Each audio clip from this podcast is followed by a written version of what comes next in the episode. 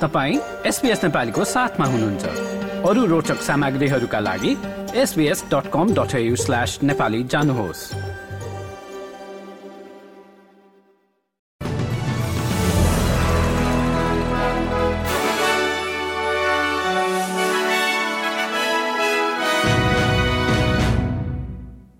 नमस्कार। आज बुधबार बिस डिसेम्बर सन् दुई हजार तेइस। अब पालो भएको छ एसबीएस नेपालीमा आजका प्रमुख अस्ट्रेलियन समाचारहरू सुन्ने। प्रसङ्ग सुरु गरौं नर्दन टेरिटरीबाट।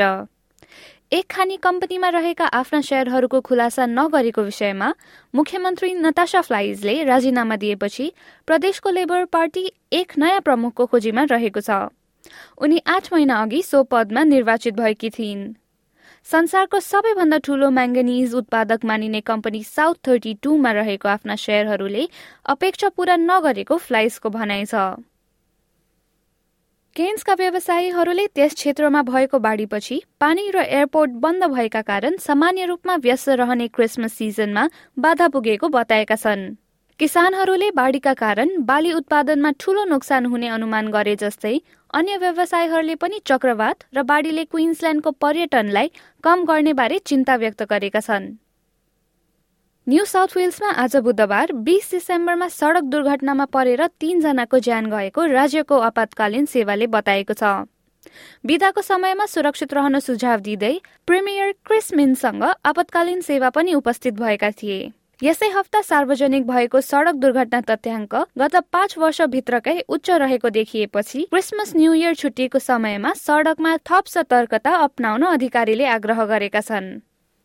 न्यूजील्याण्ड र अस्ट्रेलियाको सुरक्षा र आर्थिक सम्बन्धका प्रधानमन्त्री एन्थनी एल्बनिजीसँगको छलफलका लागि छिमेकी देशका प्रधानमन्त्री क्रिस्टोफर लक्सन अस्ट्रेलिया आइपुगेका छन्।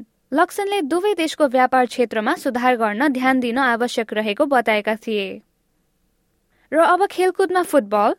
म्यान्चेस्टर सिटीले जापानी क्लब उरावा रेड डायमन्ड्सलाई तीन शून्यले पराजित गर्दै क्लब विश्वकपको फाइनलमा प्रवेश गरेको छ।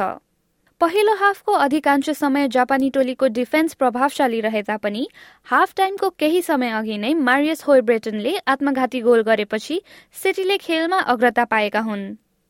हस्त एसपीएस नेपालीबाट आजका प्रमुख समाचार यति नै। सुरक्षित रहनुहोस्। नमस्ते।